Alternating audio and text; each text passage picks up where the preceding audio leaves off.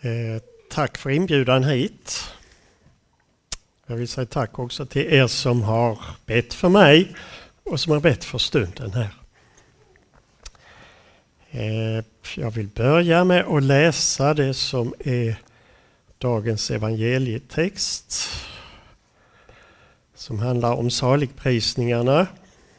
Inte ifrån Matteus där de flesta finns samlade utan utan detta är ifrån Lukas sjätte kapitel eh, med början på den tjugonde versen i Jesu namn.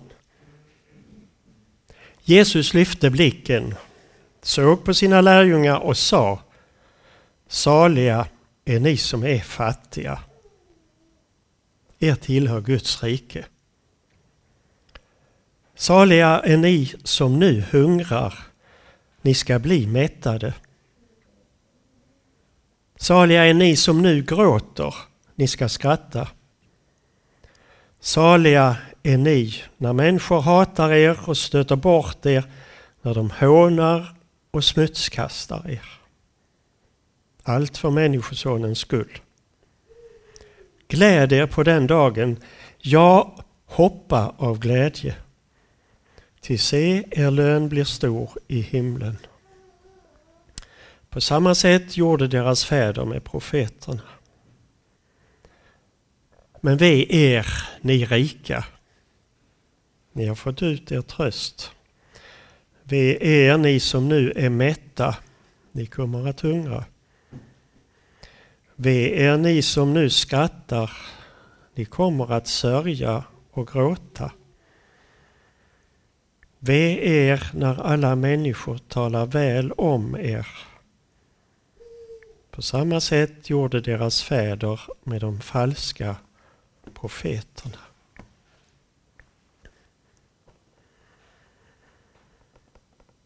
Tack Gud för att du talar till oss i ditt ord.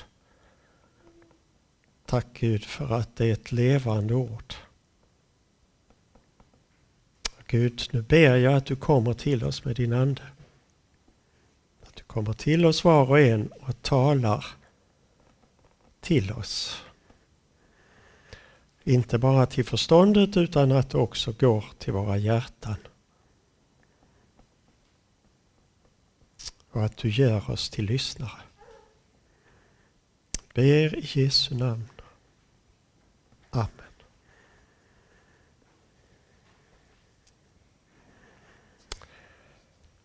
Eh, när man läser detta så är det ju ett annorlunda perspektiv än man har i världen.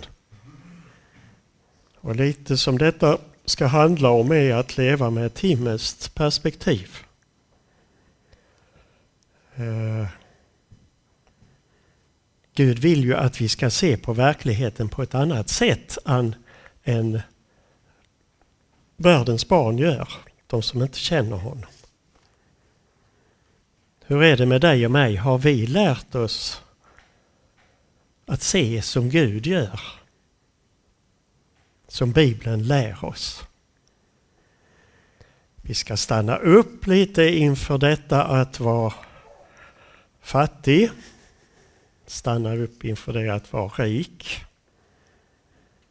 Och också stanna upp inför det som är vår kallelse, din och min.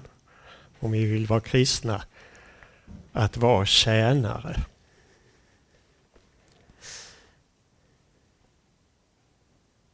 Att se, att se hur fattig jag är.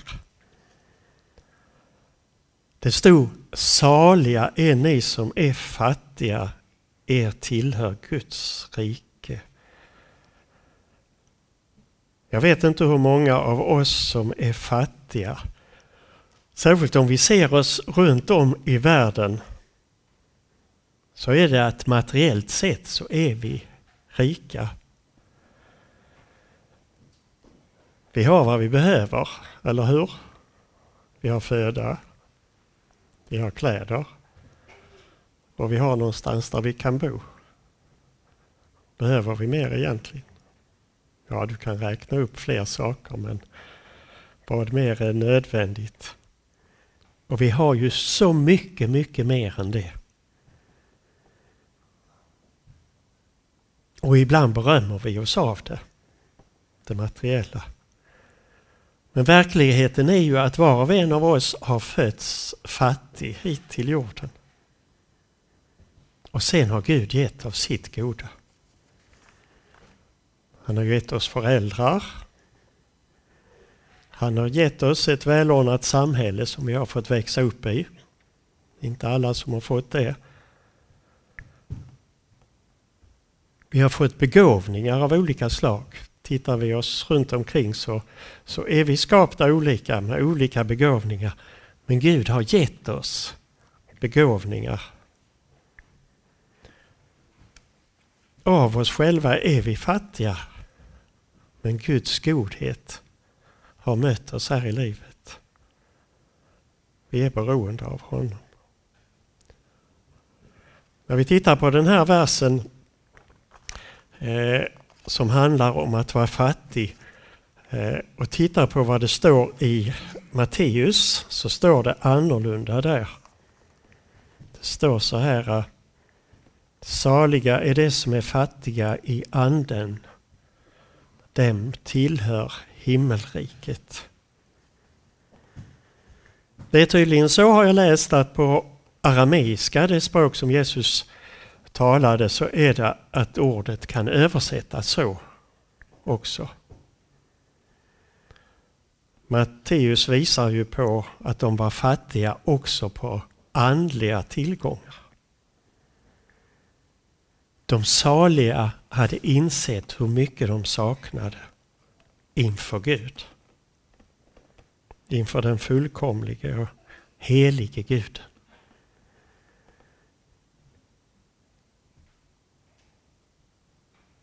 Och man kan fråga sig hur är det med dig och mig? Om vi blir stilla inför Gud. Han som är helig och fullkomlig. Hur, hur har det varit idag? Hur har det varit den sista veckan? Om du skulle minnas tillbaka. Har vi levt enligt Guds vilja? Han har skapat oss för att vi ska leva som han vill i harmoni med honom, med oss själva, med andra människor, de som bor runt omkring oss, de vi umgås med. Han vill ju att vi ska leva helt i harmoni med dem. Och med hela skapelsen. Så var hans vilja. Och Guds vilja och önskan är att vi ska göra det, inte bara i gärning utan också i ord och i tankar.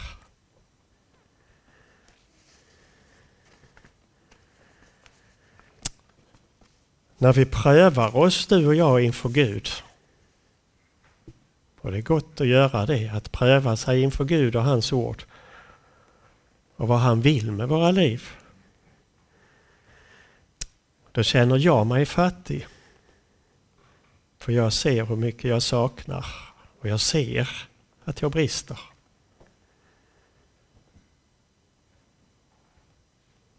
Inför honom. När svårigheterna och problemen finns i våra liv och de, de möter vi ju alla mer eller mindre. Då är det ju då, då är det ju det underbara att Gud vill möta oss där. Och han vill visa hur mycket vi äger i honom. När vi ser hur mycket vi saknar, vilka brister vi har, då är Gud nära.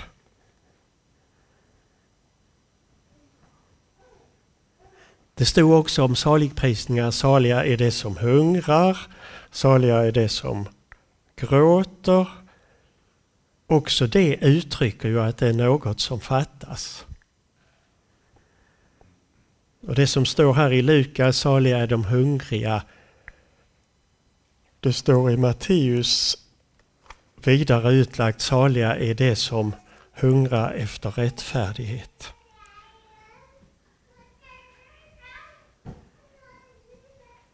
Och då uttrycker man en brist som Gud, Gud kan fylla.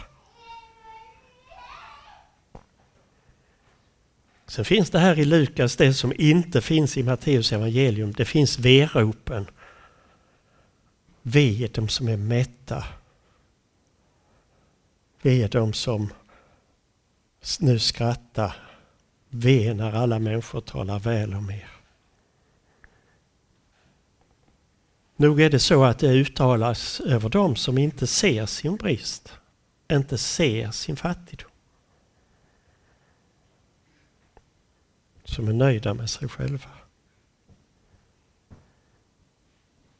Men Guds önskan i våra liv det är ju också att vi ska kunna se våra brister.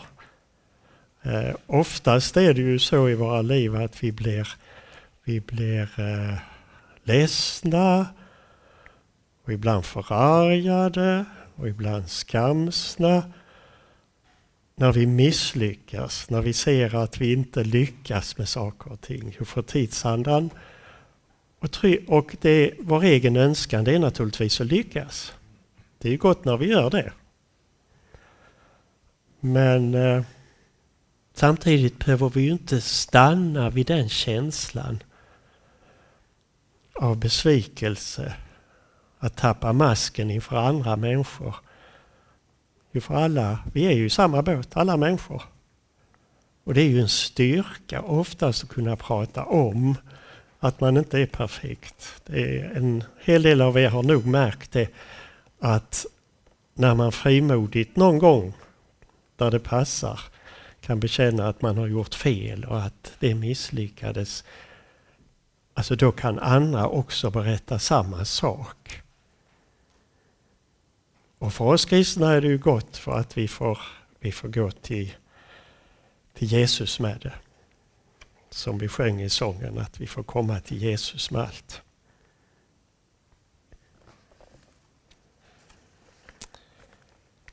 Det är gott när våra brister avslöjas.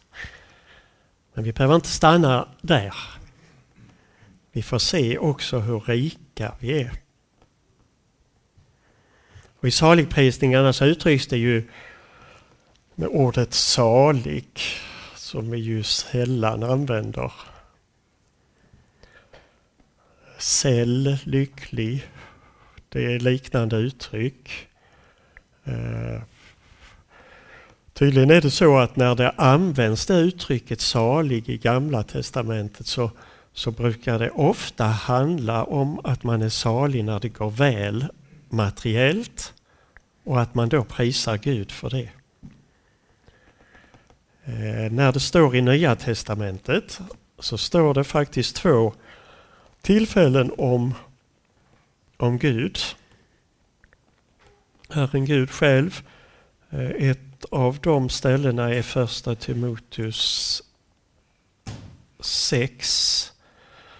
Där det står om Jesus som jag ska läsa. Första Timoteus 6 och 15.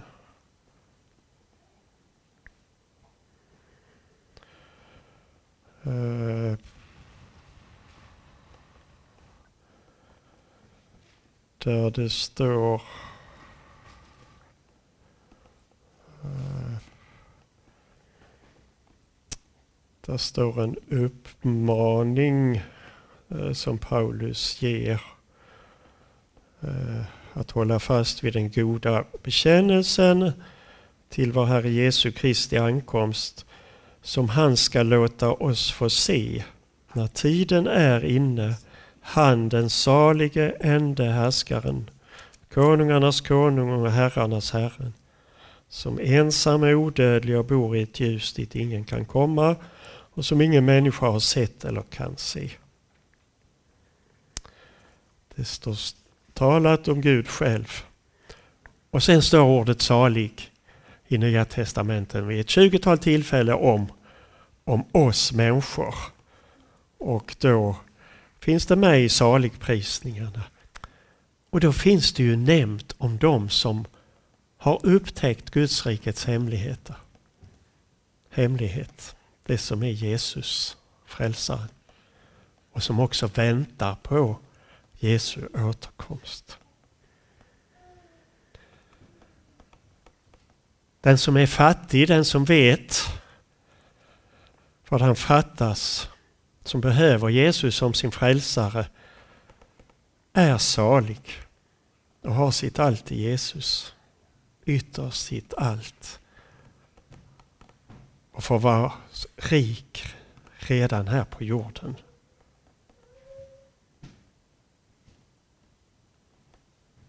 Och då naturligtvis ordet rik på ett annat sätt än det man brukar nämna här.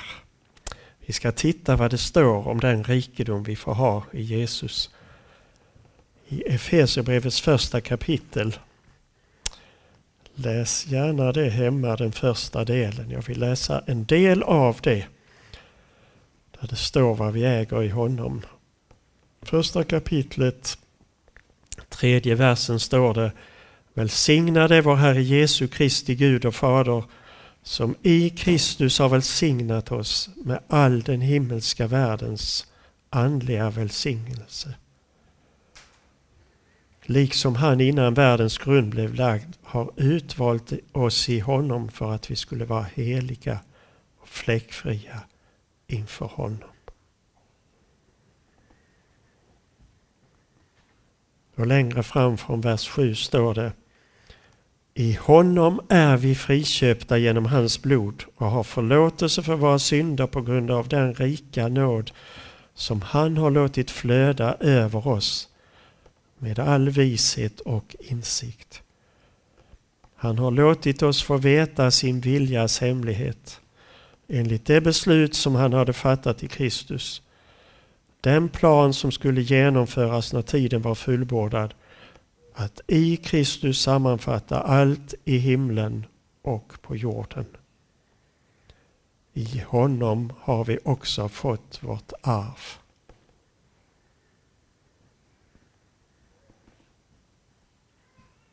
Som kristna är vi rika i Kristus.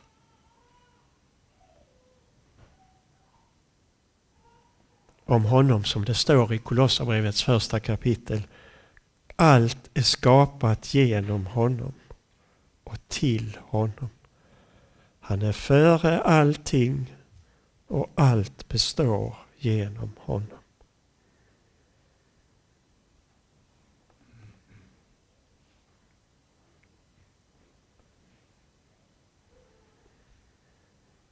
Så hur det än går för oss här på jorden så finns det ett glädjeämne som människor inte kan ta ifrån oss. Glädjen att få ha Jesus som sin frälsare. Att få vara medborgare i Guds rike. Ge dig tid att tacka honom för det. Gläd dig över det.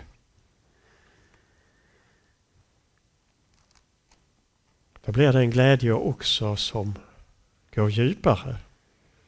En hel del av vad vi vet är att, att det är en glädje som finns där i botten.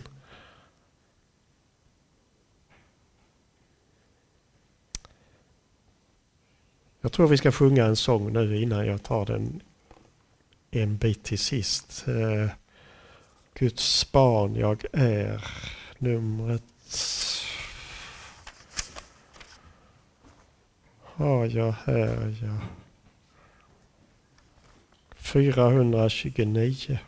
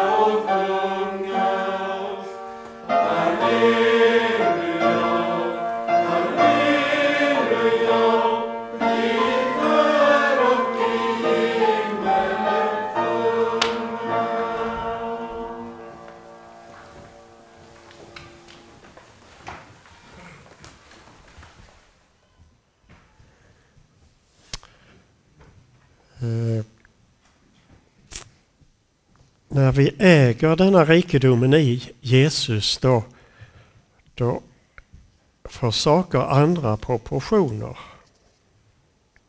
Det kan bli ett himmelskt perspektiv. Att vi mer lär oss se som Gud ser på saker och ting. Det kan bli så att förlust av pengar och ägodelar att det inte spelar så stor roll. Eller är det jätteviktigt så, så är frågan om det är eh, en varningssignal egentligen. Var har vi vårt fokus? Och sjukdom som drabbar oss är kanske inte samma hot. Det är kanske annorlunda. Lidandet är inte mindre. Och svårigheterna, de finns kvar. Men det finns en som går med. Han som är så mycket större och som går med hela vägen. Det blir ett annat perspektiv.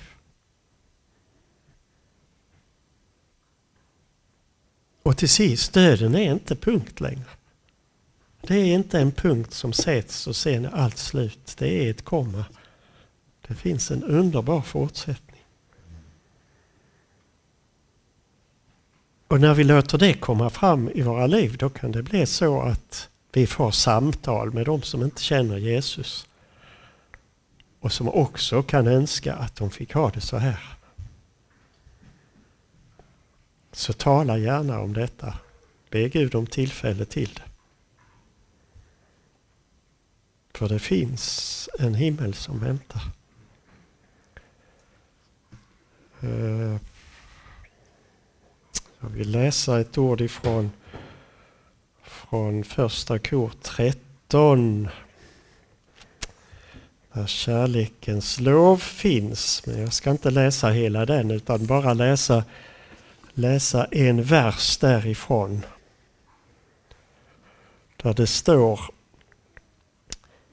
eh, Nu ser vi i en gåtfull spegelbild. Jag tror det gäller alla människor. Att vi ser inte klart hur saker och ting är. Gud kan uppenbara för oss så att vi ser klarare. Men fortfarande så är det en gåtfull spegelbild. Och på den tiden när det skrevs så var speglarna inte likadana tydligen. Utan det var uthamrad metall som gjorde att verkligen att det var suddigt. Det står, nu ser vi en gåtfull spegelbild men då ska vi se ansikte mot ansikte.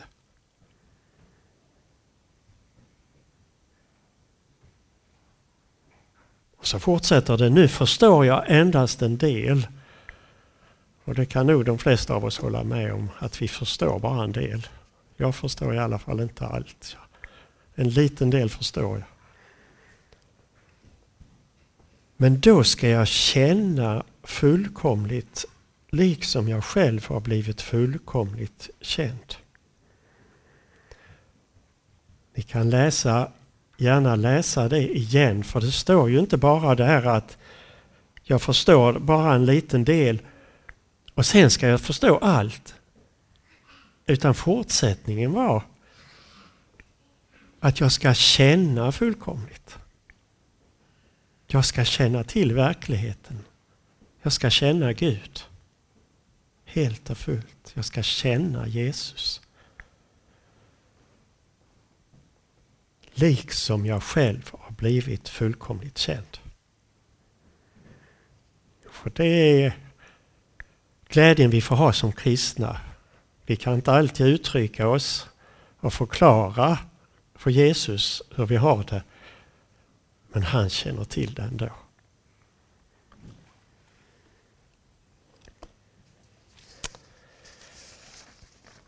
Eh, till sist vill jag titta lite grann på detta att, att vi behöver att se min kallelse att tjäna. Jesus utmanar ju när han går här på jorden sina lärjungar ofta med det himmelska perspektivet. Och så tydligt det blir till sist innan han går till sitt lidande när det börjar. Ni vet måltiden då nattvarden instiftas. Då det är någon som ska tvätta fötterna. Och Jesus gör det.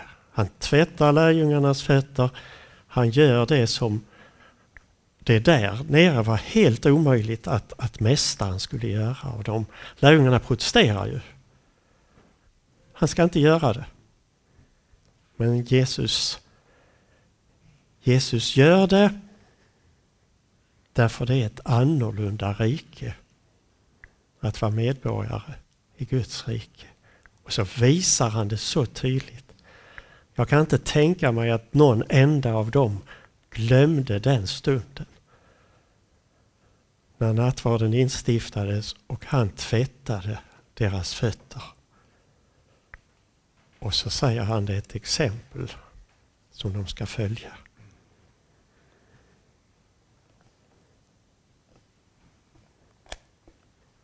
Och han talar ju också om detta att tjäna. I Matteus 20 står det om det.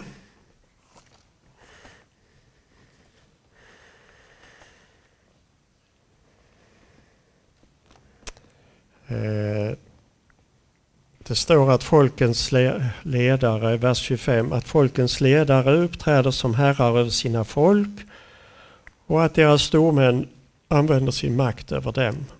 Men så ska det inte vara bland er. Nej, den som vill vara störst bland er ska vara de andras tjänare.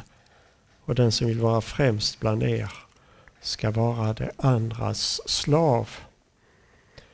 Så har, så har inte heller Människosonen kommit för att bli tjänad utan för att tjäna och ge sitt liv till lösen för många.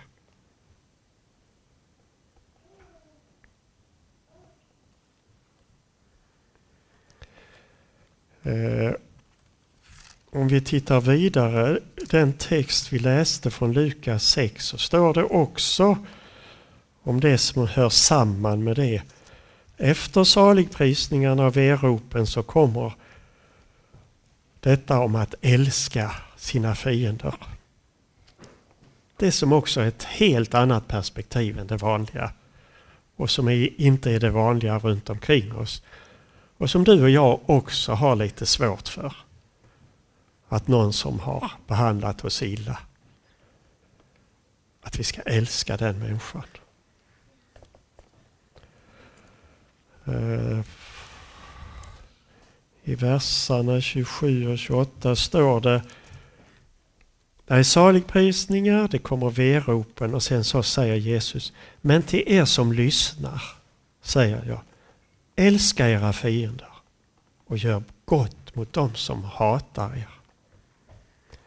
Välsigna dem som förbannar er och be för dem som förorättar er. Jag vet inte hur ofta ni har använt den metoden. Att om ni är någon som har gjort er illa så ber ni för dem. Har ni inte gjort det så pröva det.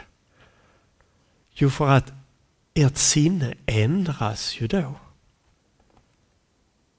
Om ni ärligt kan be för dem. Det, det kan vara en kamp att göra det. Men de behöver er förbön. Som, precis som ni behöver förbön. Så det är ett, ett recept på något vis som, som Jesus ger. Och sen längre fram i vers 31 så kommer det här välkända allt vad ni vill att människor ska göra er, det ska ni göra dem. Vänta inte på att människor ska göra det mot er utan börja istället och gör det mot dem. Och när vi gör det, då händer ju något positivt, eller hur? Det har ni säkert upptäckt många gånger. Om ni börjar att göra gott, då får ni gott tillbaka. Och så finns det ju motsatsen. Om du börjar göra det som är ont, om du börjar med att vara besvärlig mot någon och så vidare. Det är inte så ofta du får gott tillbaka. Om det inte är en kristen som har tagit det på allvar som Jesus har sagt. Och Det lär ju vara så att det som står här det finns bara här, här i, i Bibeln uttryckt. Alltså det finns det negativa. Allt vad ni inte vill att människor ska göra mot er, det ska ni inte göra mot dem. Det är en regel, nu minns jag inte, jag vet inte om det är någon av er som vet vem som har sagt det, men det, det går längre tillbaka i tiden, någon som har myntat det uttrycket och så har det använts så det finns på mer än ett ställe. Men här är det ju här är det ju inte bara att vi ska låta bli att göra det som är negativt mot en medmänniska utan vi ska göra något gott, vi ska göra något aktivt. Vi ska inte bara avhålla oss från att göra ont utan vi ska ge oss tid och ta kraft och använda tillgångar för att göra gott mot våra medmänniskor. Så det är ett annorlunda rike.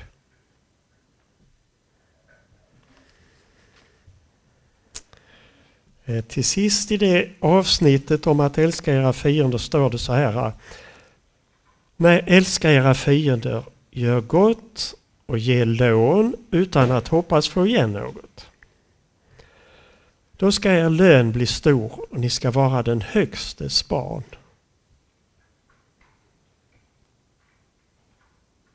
Eftersom han är god mot det otacksamma och onda. Det stämmer alltså med hur Gud är.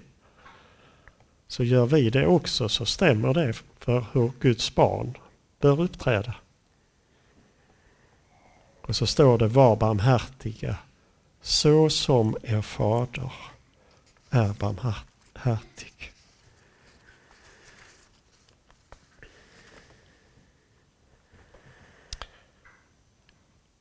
Som kristna är vi fria från mycket som som andra måste leva upp till.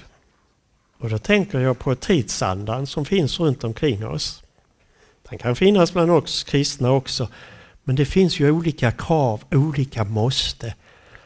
Man måste göra det och det. Man måste ha det och det för att hänga med i tiden. Det skiftar från tid till tid. Går vi tillbaka 15 år så så, så var det något annat. Nu är det, är det någonting som gäller. Men det finns det som kan bli ett sådant krav för människor som lever. För att de ska känna att de håller måttet. Men vi behöver ju inte leva upp till det. Utan vi kan få ställa oss den viktiga frågan istället. Vad är det Gud vill med mitt liv? Vad vill han med mina pengar och min egendom? Hur vill han att jag använder min begåvning och min tid? Det är välsignat att ställa den frågan till sig. Och jag tror ni är många som har ställt den frågan redan i, i valsituationer. Men det är gott att, att ställa den frågan för då börjar man fundera. Inte bara som världens barn tänker, vad tjänar jag bäst på? Vad gynnar mig mest? Hur kommer jag längst här i livet? Vad det nu är att komma längst, det är en annan fråga. Utan hur lever jag mitt liv så att jag kan leva som Gud vill att jag ska göra? Och det kan, ställer man den frågan, vad vill du Gud? Jag menar, då kan det ju hända att man får ändra på sina vanor eller ändra hur man satsar med sina pengar eller med sin, vad använder sin tid till. Men bara att ställa den frågan, att samtala om det vänner emellan, i en familj, det för ju något gott med sig. Får man börja använda det himmelska perspektivet. Och det är välsignat. Det är välsignat att tjäna och glöm inte att göra det också i det tysta, i det fördolda. Då när ingen ser på. Det kan ibland vara det svåraste. Ibland lockas vi av att göra saker så att alla ser det. Så helst någon kan prata lite om det. Men det är gott att göra det i det fördolda. För att då bekämpar jag det som är en kamp ibland, mitt eget högmod. Och gör det av hjärtat. Som det står i det ord jag läser om sista bibelställe från Kolosserbrevets 3 och 23. Vad ni än gör, gör det av hjärtat. Så som ni tjänar Herren och inte människor. Ni vet att det är av Herren som ni ska få arvet som lön. Det är Herren Kristus ni tjänar. Må Gud välsigna dig som tjänar. Vi ska be och tacka.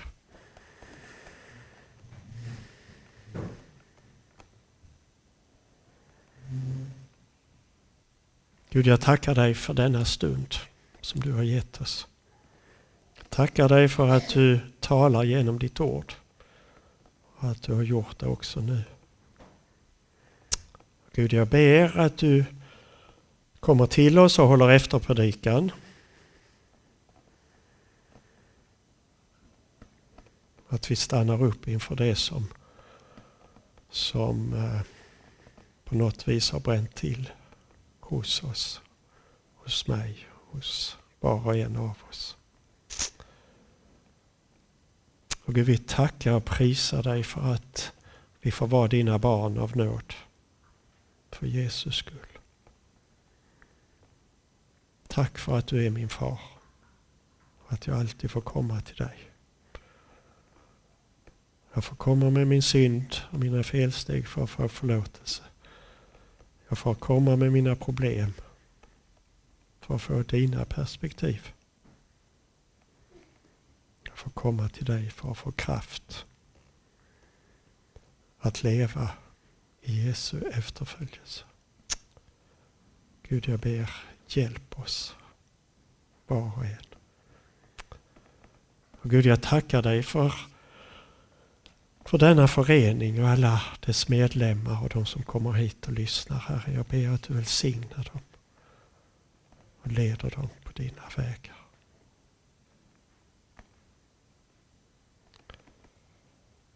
Och Gud så vill jag denna dag be för, när det är offerdag, be dig för, för utlandsmissionen. Jag vill be dig för Kerstin Nilsson i Kenya. Du ser henne, du ser också nu när hon ska hjälpa till med bibelskolan som är där på besök. Herre, välsigna henne och led henne. Och Gud, vi, vi ber och tackar dig för familjen Smetana i Peru. Herre, vi ber att du hjälper dem i språkskolan och att barnen kommer in i skolan på ett gott sätt. Herre, välsigna dem. Och Herre, vi ber om en ny familj som kan åka till Peru och vara tillsammans med dem. Tack Gud för att vi får lägga fram det för dig. Och Gud, så ser du om det är någonting som vi vill lyfta fram tyst inför dig, Herre. Hör oss nu när vi ber.